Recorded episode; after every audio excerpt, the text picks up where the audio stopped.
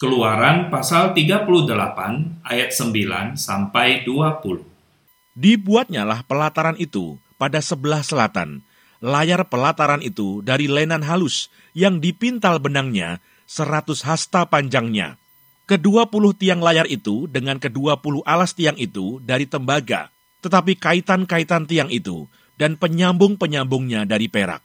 Pada sebelah utara seratus hasta, Kedua puluh tiang layar itu dengan kedua puluh alas tiang itu dari tembaga, tetapi kaitan-kaitan tiang itu dan penyambung-penyambungnya dari perak. Pada sebelah barat, layar lima puluh hasta dengan sepuluh tiangnya dan sepuluh alas tiang itu, dan kaitan-kaitan tiang itu serta penyambung-penyambungnya dari perak.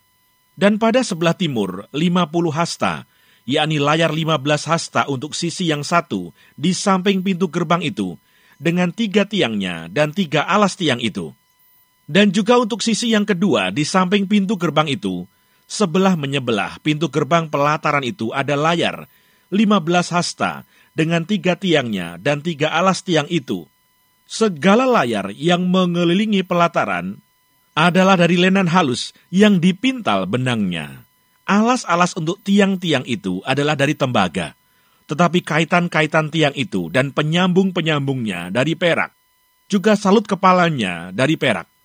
Dihubungkanlah dengan penyambung-penyambung dari perak segala tiang-tiang pelataran itu. Tirai pintu gerbang pelataran itu tenunan yang berwarna-warna dari kain ungu tua, kain ungu muda, kain kirmisi, dan dari lenan halus yang dipintal benangnya. Dua puluh hasta panjangnya, tetapi tingginya yang juga lebar kain itu adalah lima hasta, sama dengan tinggi layar pelataran itu. Keempat tiangnya dan keempat alas tiang itu dari tembaga, tetapi kaitan-kaitannya dari perak, dan juga salut kepalanya, serta penyambung-penyambungnya dari perak. Segala patok untuk kemah suci dan untuk pelataran itu, sekelilingnya adalah dari tembaga. Sahabat, berapa banyak kain yang diperlukan untuk membuat sebuah pelataran? Ukuran pelataran yang begitu luas yang diperuntukkan untuk umat pilihan mendekat kepada Tuhan dibuat dengan begitu terinci dan rapi. Tiang penyangga, kaitan untuk menyambung kain, berapa banyak dari penyangga, bahkan dibuat pula sebuah bagian yang disebut sebagai pintu gerbang.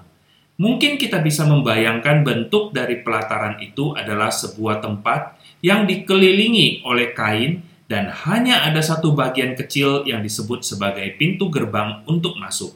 Sehingga yang bisa masuk ke dalam adalah mereka yang sudah mempersiapkan diri, mereka yang datang lebih dahulu, mereka yang memenuhi syarat untuk masuk.